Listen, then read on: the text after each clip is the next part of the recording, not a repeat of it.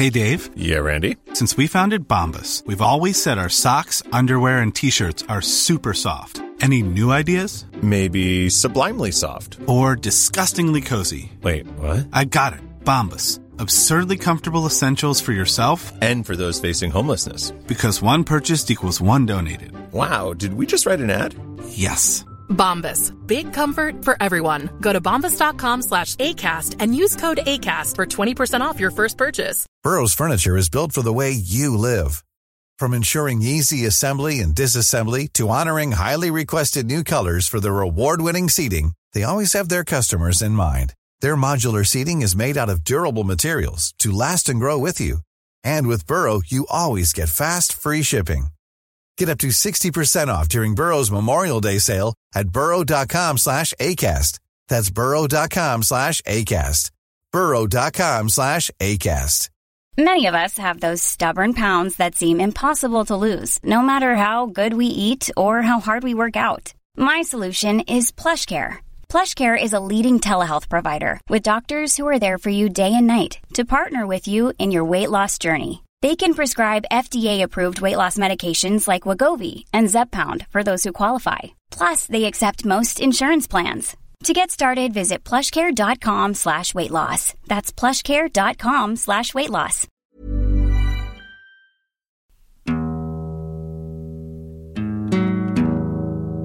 Hei og velkommen til Ordremysterier. Jeg heter Halsten, Jeg heter Silje. og i dag skal vi snakke om det påståtte våpenbyttet på Ordre gård. Ja, det angivelige våpenbyttet mellom Lars Grønnerød og Per Orderud. Per har nekta for det her. Lars står på sitt og sier at det har skjedd, og retten la også til grunne for at våpenbyttet skjedde. Når starta hele våpenforespørselen fra Per? Ifølge Lars så spurte Per om våpen høsten 98. Da sier Lars at han fikk 20 000 kroner fra Per for å skaffe våpen. Så må han deretter gå videre til Kristin, som dro til Molde før jul 98 og henta to pistoler. Ja, og det er faktisk bevist at hun har vært der og henta pistoler, så det er bevist. 100% Det som ikke er bevist, er hva våpnene skulle brukes til, og hvem som Ja. har bestilt dem. Men Kristin hevder jo at Per og Veronica ville ha våpen til sjølforsvar. Hva var egentlig foranledningen til at Lars forklarte han forklarte? Det hele startet med at Kristin Kirkemo ble eh, innkalt til avhør. Eh, Så ble også hennes samboer Lars Grønnerød innkalt til avhør. Og Der fikk de også lov til å ransake leiligheten der de begge bodde, og der fant de annet et våpenmagasin. Og i det våpenmagasinet så fant de i ettertid ut at eh, den tid da så mente de i hvert fall at de kunne bevise at ett av drapsvåpnene har blitt lada i dette magasinet. Som i hvert fall fikk Lars og Kristin eh, inn i saken. da.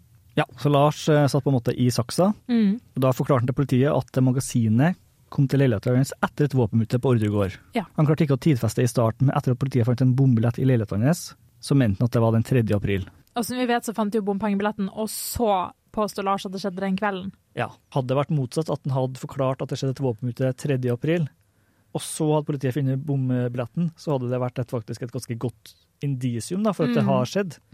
I hvert fall at de har møttes den kvelden, kanskje. Ja, men når det skjer i motsatt rekkefølge, så er det ikke like, så er ikke beviset like solid, da, i hvert fall Nei. ikke i mine øyne. Men i starten så sa han noe helt annet. Først så sa han til politiet til avhør at det skjedde i mars. Han huska ikke datoen, men jeg mente å huske at det ikke var en spesiell eh, dag det skjedde. Men 3. april, da, det var jo midt i påska.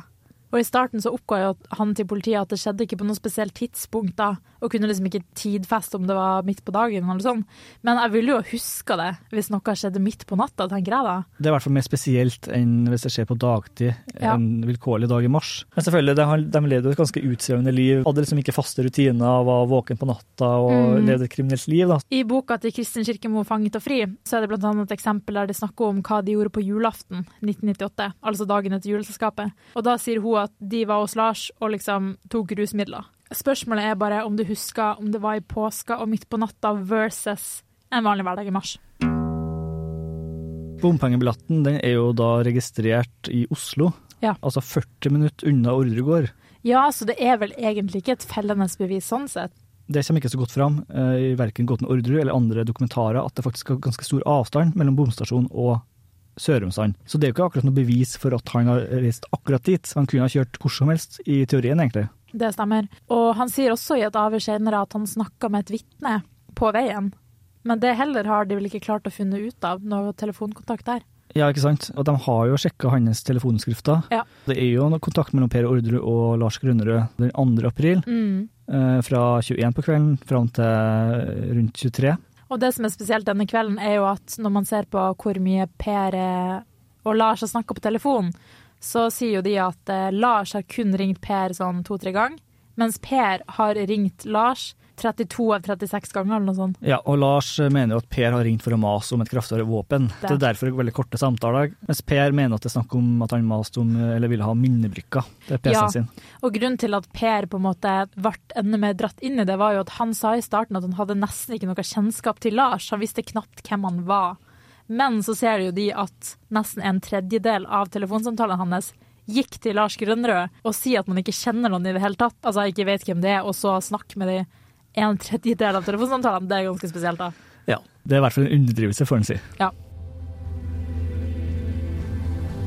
Bare for å etablere eh, litt sånn fakta, så mener jo Lars og Kristin at våpnene ble igjen på ordre gård etter juleselskapet i 98. Ja. Det har Per og Veronica benekta, men vi vet egentlig ikke hvor våpnene ble av. da. Nei. Men i hvert fall ifølge Lars så ble de igjen på ordre gård, og der har de vært helt fram til 3. april 99. Og Lars sier jo at eh, Per begynte å mase om det her eh, allerede i høsten 98, og begynte å spørre om nummeret hans i november, en måned før eh, desember, da. Ja, det som ikke er så godt kjent, er at det var faktisk et middagsselskap den høsten hos Lars. Og da hadde Kristin invitert Per og Veronica for å møte Lars i leiligheten til Lars. Og Lars sier jo at Per begynte å spørre om våpen høsten 98. Kan dette ha vært samtidig? Ja, det kan jo være en sammenheng der. Lars sier at han viste fram revolveren sin til Per under den middagen. Ja, og det er vel ingen andre som har uttalt seg noe om det her, så vidt jeg vet, i hvert fall. Men Lars påstår jo det at han viste revolveren sin til Per den kvelden, da. Og Per benekta jo selvfølgelig det her, da. Ja, men det er veldig lite snakk om det i retten og i avhør og sånt. Ja. Men det er et veldig interessant poeng, da. Om han har vist fram sin Cold Police Special Revolver til Per den kvelden. Ja. Og Per sier jo at han eh, ikke visste at Lars hadde våpen, er jo det han sier i rettssaken, da. Ja, så en av partene lyver jo åpenbart her. Ja. Spørsmålet er jo om de dro på middagsselskap for å planlegge drap. Det er mulig, men et motargument mot det, det er at det er jo ganske utspekulert. For, at for det første så er det troverdig at de eh, skulle møte Lars for første gang. Ja. For det andre så sier Veronica i den podkasten Familiene på ordre gård at Lars var interessert i å gi en stol til Per. Ja. En godstol som han skulle ha i stua på ordre gård. Og den tok de faktisk med seg samme kveld òg. Mm. Frakta den til ordre gård. Mm. Og idet de tok med stolen inn i stua, så ramla den ned sprøytespissa. Ja. Og på det tidspunktet så skjønte jo Veronica at uh, Lars ikke var helt sånn streit som Kristin hadde sagt. Ja. At han faktisk driver med narkotika og kriminalitet. Ja, så det er kanskje rart hvis de dro dit, planla drap, og så i ettertid var sånn Å ja, han var faktisk kriminell. Det er vel ingen som motargumenterer denne delen, da. Men jeg tenker kanskje grunnen til at det ikke har vært så mye snakk om dette, er for at det var jo Kristin som tok opp drapsplanlegginga 23.12. Og hvis hun skal ha invitert de på et middagsselskap i høsten 98, så er jo det veldig suspekt, fordi det er kanskje mindre suspekt for hennes del at hun bare tilfeldigvis deltok i et middelselskap, enn at hun inviterte de til seg høsten 98, og tilfeldigvis skjedde det drapsplanlegging. Ja, for da ble hun plutselig mer eh, delaktig, da. Eller om de dro på middelselskap, Per så våpenet og tenkte ah, det kan jeg bruke til å drepe foreldrene mine. Eller om det var som retten la til grunne for, at det ikke begynte før juleselskapet. Men da er det jo veldig rart at Per skal ha begynt å mase om våpen i november. Eller? Ja, det, alt eh, går liksom ikke helt opp hvis planleggingen har starta desember 98. Fordi Nei. at, som du sier, det er jo det er henta to våpen i Molde. Ja. Og det ble henta Eh. dagen før juleselskapet, så bare der er det jo en kjempestor brist. Ja, Med mindre det bare skulle brukes til selvforsvar, da. Ja. Og at de etter hvert har kommet på tanken å bruke det til drap. Det er ikke så realistisk, vil jeg Nei, si. eller at Per og Veronica alltid har tenkt å bruke det til drap, men de fortalte Kristin og Lars vi trenger det til selvforsvar. Og så av en eller annen grunn følte seg nok komfortabel til å si på juleselskapet ja, vi skal faktisk drepe de også, er dere med, liksom. Det er også en mulighet, ja. Men så har du det med skokjøpet lille julaften også. Ja, og det har vi snakka masse om. Det er sånn det er så rart at det skal ha vært et skokjøp før Lars kom til juleselskapet, om Lars ikke ble med i drapsplanlegginga før liksom juleselskapet, da. Ja, jeg tenker det at det er like sannsynlig at eh, de skoene er kjøpt eh, av noen helt andre til julaften, som en julegave, Ikke sant? enn at det skal kjøpes et drap som skal begås flere måneder senere. Ja, kjemperart. Eh, Men det er også en brist i dommen, egentlig, at de legger til grunn at planlegginga starta på lille julaften, noen Mm. timer etter skokjøpet. Ja. Hvis det starta på det tidspunktet, så burde de ikke ha kjøpt sko allerede. Da burde Nei. de ha kjøpt sko etterpå på et tidspunkt. Ikke at vi skal spekulere i om det har skjedd drapsplanlegging eller ikke. Et spørsmål om Lars hadde med seg telefonen eller ikke den aktuelle natta. Ja. Natt til 3. april. Telefonutskriftene gir jo ikke noen indikasjoner på det ene eller det andre. Men et interessant poeng er at Lars eventuelt kunne hatt med seg en annen telefon, en uregistrert telefon. Ja, og i boka til Øystein Millie Orderud, avrørende, løgnende, de nye sporene. så tar de opp eh, et bevis som heller ikke har vært snakka så mye om. Da politiet gjorde ransaking hjemme hos Lars og Kristin, så fant de bl.a. et opptak fra et uh, kamera. Og i det opptaket så ser vi Lars og Kristin sitte i leiligheta 21. mai, altså dagen før drapene på Orderud gård. Og det som er interessant her i dette klippet, er at de tar opp en SMS-lyd, men det er ikke telefonen til Lars eller Kristin. For det er ingen telefonskrifter fra den telefonen, så de vet at det må være en annen telefon. Og det var kun Lars og Kristin som var til stede under det opptaket. Så hvor kommer denne telefonen fra? Kan det være en sånn børnetelefon som er brukt til noe kriminelt? Det er absolutt en mulighet, og det er veldig spesielt, for politiet har jo kartlagt alle telefonene til de tiltalte i saken. Og Per og Veronica har jo ikke noen oppringninger på det aktuelle tidspunktet som kan knyttes mot den børnetelefonen eventuelt. Det er sånn, fordi det sa de, at Per og Veronica hadde ingen eh, telefonkontakt med noen på det tidspunktet. Nei. Så det kan ikke ha vært fra dem i så fall. Så hvem kan det ha vært ifra? Selvfølgelig så gir det jo mening at de kan ha en annen telefon fordi de er et kriminelt miljø, men hvis ikke denne telefonen var brukt til noe spesielt mistenkelig, hvordan har de da kvitta seg med den før politiransakinga? Ja, for den denne ble jo og det er veldig mistenkelig tidspunkt at Ja. det kommer en tikke inn en melding før drapene som Ja. ikke er oppspora. Veldig interessant. Og de skrev jo en politirapport på det her, men de fant vel ikke ut noe mer. Nei, så spørsmålet er er det en ukjent femteperson ute der som ikke er tatt for drapene. Ja, det er veldig interessant. Eller hadde Per og Veronica også en slags burner-telefon? Det kan jo være. Det kan være, men eh, samtidig så er det jo ganske mye kontakt mellom Lars og Per, som vi har snakka om. Så hvorfor Ja. har de ikke da brukt burner-telefonene hvis de har snakka om eh, våpenbytte der? Det er et godt poeng, faktisk. Og tilbake til dette tidspunktet, da, 3. april. Eh, Både Lars og Kristin sier at de var sammen i leiligheta rett før han eh, dro til gården, men mobilutskriften deres viser at det ikke var det. Hvorfor skulle de ljuge om det, egentlig? Kan det være fordi våpenbyttet ikke skjedde den dagen? Eller kan de huske feil? Det kan jo være. Ja, men de er jo ganske påståelige på at de var sammen den kvelden. Ja, det er Eh, det. Hvorfor, men hvorfor skal man lyge om det? Veldig merkelig. Det har jo på en måte ingenting med saken å gjøre, egentlig, at de var sammen. Men det er vel kanskje fordi at Men da gir Kristin også en forklaring om at våpenbyttet har skjedd. Da er det på en måte to som sier det. Når det gjelder mobilkontakt mellom Lars og Per, vi har snakka litt om det tidligere, men det var 36 oppringninger, Ja. altså mellom desember 98 og april 99. Ja. Og faktisk mai 99. Men det skal sies at det er ingen mobilkontakt etter dette påståtte våpenbyttet. Fordi etter 2. april så er det ingen kontakt mellom Lars og Per. Ja, Og og, det- spørsmålet er hva det skyldes. Ja, politiet sier jo at det skyldes at det skjedde et våpenbytte, og at det er nok bevis eller indisium for det. Men kan det være en annen grunn? Per sin forklaring er jo at det er snakk om datahjelp, og at han ville ha minnebruker fra Lars, at han eh, ringte om det. Ja. I tillegg så har han forklart at Veronica lånte telefonen hennes for å høre hvordan det gikk med Kristin. Spørsmålet er, hadde Veronica sin egen mobil? For jeg vet at de hadde en fasttelefon. De hadde en fasttelefon, jeg er usikker på om hun hadde egen telefon, ja. men i hvert fall et interessant poeng. For at natt til julaften så ringte jo Veronica Lars midt på natta, og Ja. da brukte hun jo Per sin telefon. Ja, Så det styrker jo argumentet om at hun kunne ha lånt telefonen senere også, da. det gjør det, og det er jo bevist. Alle sier jo at de hadde en samtale, på en måte, den natta. Julaften, altså. Det er julaften. dokumentert. Ja. Ja.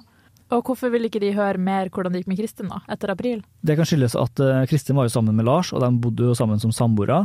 Men Kristin slo opp med Lars i februar, og bodde fortsatt der en viss periode til. Men hun flytta til påska 99, Ikke sant, ja. Så det og det kan, er jo på samme tidspunkt som det angivelige våpenbyttet. ja, så det kan være naturlig både at de ikke trengte å ringe Lars for å høre hvor Kristin var, men også fordi det er kanskje ikke så naturlig å ha kontakt med søstera di til sin ekskjæreste, med mindre det er noe veldig spesiell grunn til det, på en måte.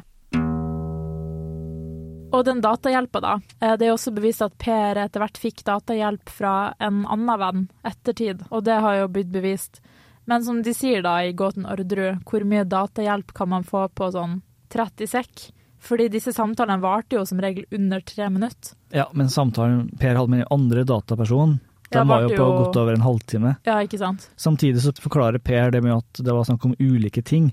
Ja. At han spurte Lars om enkle spørsmål Ja. eh, og minnebrikker, mens han spurte den andre vennen hvordan han skulle koble seg opp på internett, hvis jeg husker riktig. Okay, Ja. Og at det var en mye lengre prosess, da. Så det kan jo være troverdig, det vet man jo ikke. Det er veldig Nei. vanskelig å vurdere, det, egentlig. Nei, og som de sier i Gåten Orderud, å ha en forklaring med 'hei, jeg spurte om minnebrikker' versus 'hei, han spurte om våpen', det er jo bare begge to er spørsmål som tar like lang tid å stille. Sånn 'hei, har du skaffet meg minnebrikke'? Nei. OK, Lars, ha det. 'Hei, har du skaffet meg våpen'? Nei. OK, ha det, liksom. Det er et veldig godt poeng, ja. Kan det også ikke ha skjedd et våpenbytte, men et minnebrikkebytte? Det er mulig, men P forklarer ikke når det har skjedd, eventuelt. Nei, det er sant. Jeg vet jo at politiet skulle jo undersøke PC-en, tror jeg, for å se om liksom når en rammebrikke kom inn. Men det har vi ikke hørt noe mer om. Nei, ikke sant, så jeg vet ikke hva som skjedde der, egentlig. Men det som er dokumentert, det er at Lars har faktisk hjulpet Per med PC-en før. Ja. Han kom jo til Mars på Ordregård for å hjelpe med PC-en. Det skriver Kristin i sin egen selvbiografi, og Lars har også sagt det i retten. Og Per har også sagt det. Ja. Ja. Så uansett hva som har skjedd, om det har skjedd et våpenbytte eller ikke, eller om de har snakka om eh, minnebrykka, så har jo Lars hjulpet Per med PC-en. I tillegg har Per fått en printer fra Lars som Veronica henta på vegne av Per 1. Da var Lars på besøk hos Kristin, som på det tidspunktet hadde flytta inn hos faren sin, Sverre Kirkemo, og Veronica var også på besøk på samme tidspunkt. Altså to dager før det angivelige våpenbyttet. Da skal Lars ha overlevert en printer til Veronica. Det skrev Kristin i sin egen selvbiografi, 'Fanget og fri'. Kan han ha levert våpen og en printer? Ja, men samtidig, hvis du leverer våpen dag, hvorfor forklarer han at det skjedde 3. april? Det er sant.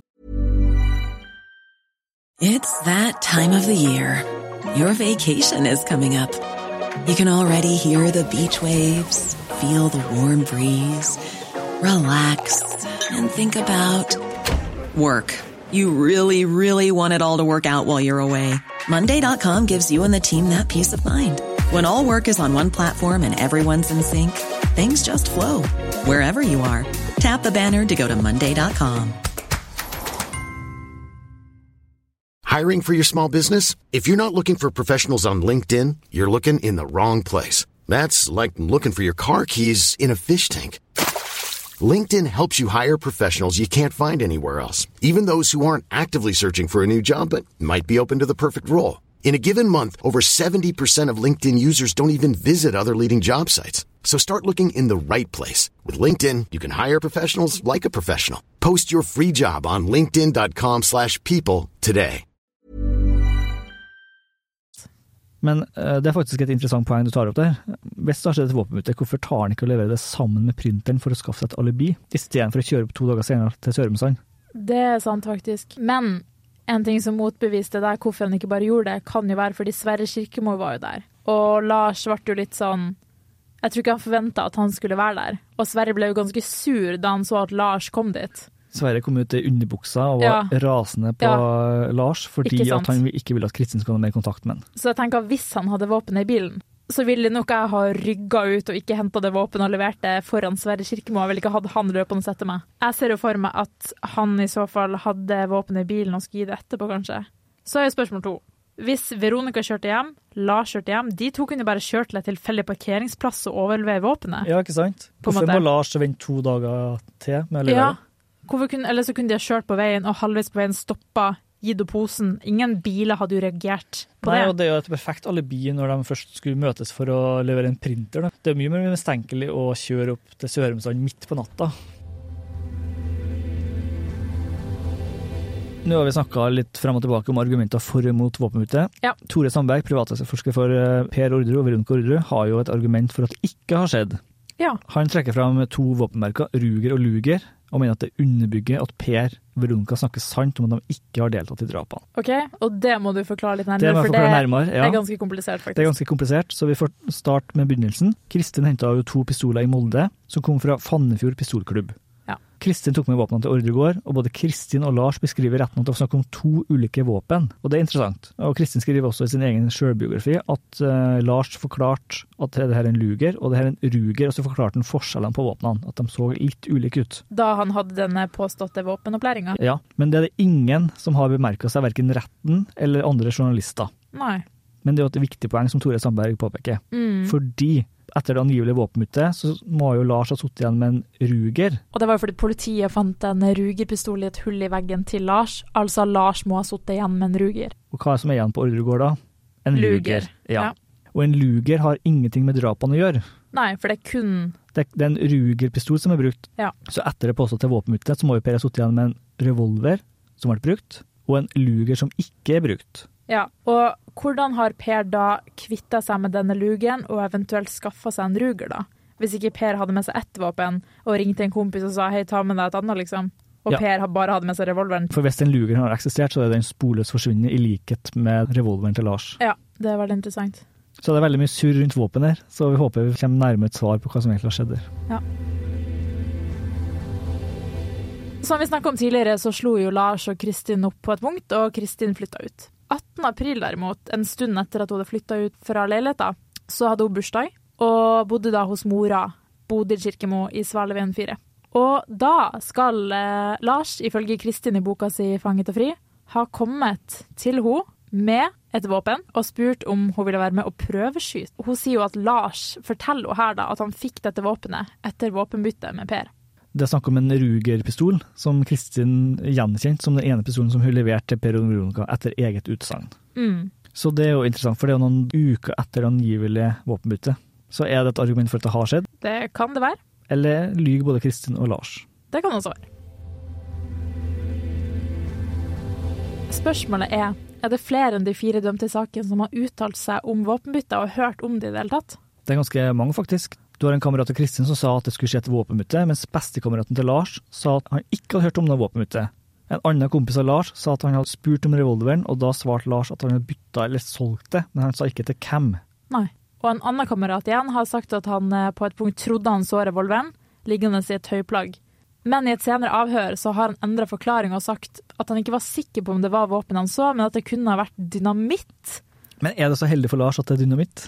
Nei, fordi dynamitt ble jo annet brukt i et av attentatforsøkene på Anne Orderud Paust og Per Paust. Ja, og det finnes jo allerede indisium for at eh, dynamitt hos Lars kunne eventuelt knyttes til det attentatforsøket. Ja, så hvis eh, han prøvde å redde kompisen sin her, så var det i hvert fall eh, kanskje feil eh, Feil strategi, vil jeg si. Feil strategi, ja. ja. Nå skal vi ikke mistenkelig Lars i det, han er jo ikke dømt for det forholdet, men Nei, nei. det er interessant at hvis det faktisk var en revolver, da, og ikke dynamitt. Ja, fordi dette var i juni, etter drapene. Så enten har han ikke bytta det bort i det hele tatt, Eller så har han fått det tilbake etterpå. ja, etter drapene. Et annet godt argument for å sette tvil om våpenbyttet er som Cato Schjøtz, han som da var forsvarsadvokat for Per Orderud, sa. Lars var veldig, veldig glad i våpenet sitt. Han, ifølge flere, omtalte det som lille gutt, og Kristin sier at han nærmest behandla det som en kosebamse og på en måte var veldig stolt av det, og ga han jo et kjælenavn. Hvorfor skulle han bare ha lyst til å bytte dette bort, og spesielt hvis han trodde det kom til å bli brukt til noe mistenkelig? Ja, Han fikk vel høre etter eget utsagn at Pierre Per skulle hatt det selvforsvar, men Ja. likevel å stole på en person som ikke er våpensyndig, og Ja. som han ikke kjenner så godt. Er ikke det litt merkelig også da gi fra seg sin kosebamse, Ja, som han har hatt i flere år? Og hvis han har hatt det i mange år, er det ikke stor sannsynlighet for at fingeravtrykkene til Lars er rundt hele den revolveren, da? Jo, det kan jo være det. I tillegg så har han jo snakka om den revolveren til mange personer i sin Ja. eh, bekjentskapskrets. Mange visste at han eide den, da. Ja, så hvis Per skal ha gjort noe shady, Ja, så ville det automatisk blitt spora til Lars, eller ganske fort, da. ja. Og uansett om han Per bare brukte det til eh, selvforsvar, så er det litt sånn Da blir jo uansett Lars involvert i noe kriminelt. Hvis Ja. Per liksom fikk panikk og skøyt en fyr ved et uhell, på en måte. Det kunne jo ha skjedd. Det kan jo skje i hvert fall med en eh, person som ikke er våpenkyndig. Ja, og da hadde jo alle kunne sagt Oi, det der er Lars sin revolver. Ja, så jeg tenker det er jo mer naturlig å gi fra seg en ukjent revolver, da. Ja. Hvis du ville ha hjulpet Per med det. Og han fikk kun 4000 kroner for den. Ja, samt det det andre lite. våpenet. Ja. Han sier jo sjøl at han ikke egentlig var interessert i å få tilbake det andre våpenet. da. Han ville jo kun ha cash, mens Per ifølge Lars da skal ha sagt jo, du må ta dette våpenet. ja. Og så fikk han vel også ammunisjon tilbake. Ganske mye, faktisk. Og Lars hadde jo vel egentlig ikke planlagt ifølge seg sjøl et våpenbytte. Det var vel mer et våpensalg han så for seg, da, og som var avtalen. Men så skal jo Per, da, ifølge Lars, ha bare gitt han våpenet også. Hvis Per og Brunka skulle ha planlagt drap og tenkt å gjennomføre det sjøl, så er det egentlig litt merkelig at de ga fra seg ammunisjon tilbake. Hvorfor vil de ikke ha mest mulig igjen på gården?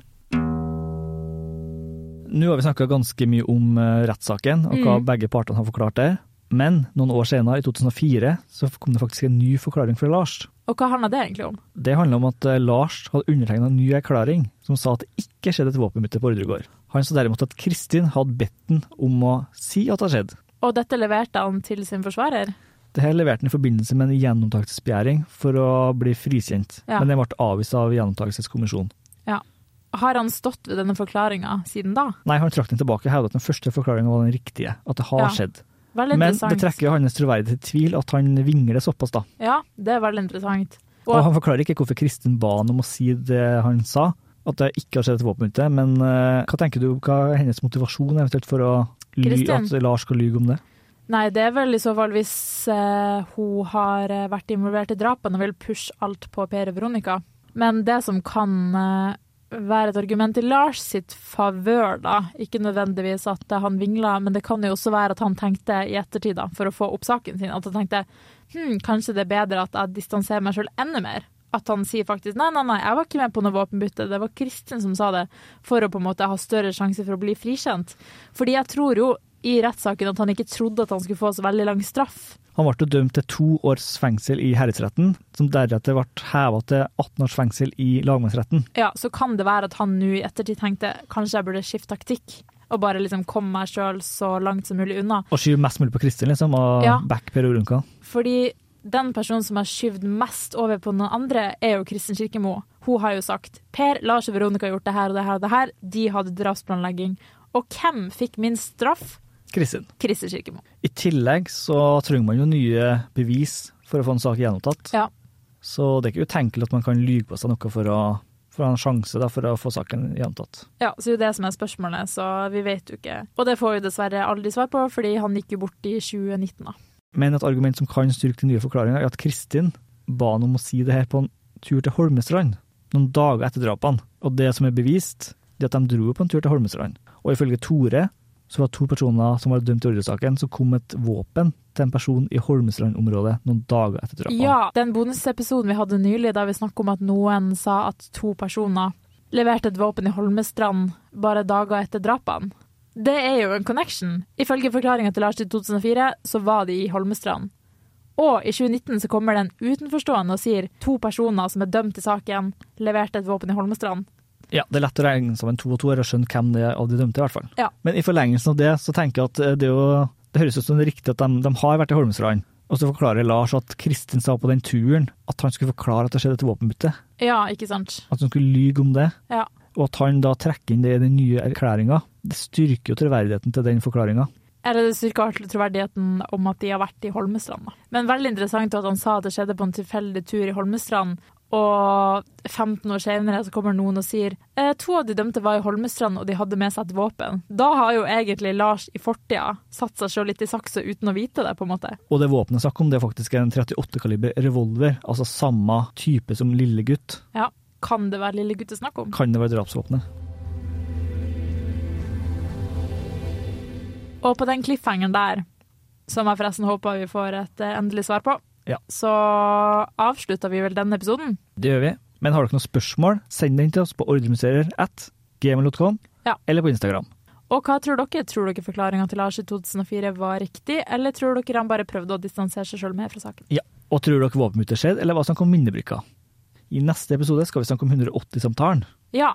Hvem var det som ringte 180-operatøren og fortalte at et drap skulle skje bare uka før drapene skjedde? Ja, og har Øystein Mille rett i sin antakelse om hvem det var? Ja. Eller var det som politiet antok at det skjedde i Svalveien 4?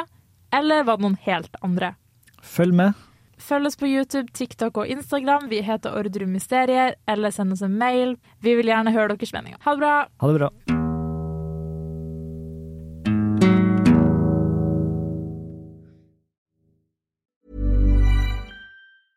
Even when we're on a budget, we still deserve nice things. Quince is a place to scoop up stunning high-end goods for 50 to 80% less than similar brands. They have buttery soft cashmere sweaters starting at $50, luxurious Italian leather bags, and so much more. Plus, Quince only works with factories that use safe, ethical, and responsible manufacturing. Get the high-end goods you'll love without the high price tag with Quince. Go to quince.com slash style for free shipping and 365-day returns. Even when we're on a budget, we still deserve nice things. Quince is a place to scoop up stunning high-end goods for 50 to 80% less than similar brands. They have buttery soft cashmere sweaters starting at $50, luxurious Italian leather bags, and so much more. Plus, Quince only works with factories that use safe, ethical, and responsible manufacturing. Get the high-end goods you'll love without the high price tag with Quince. Go to quince.com slash style for free shipping and 365-day returns.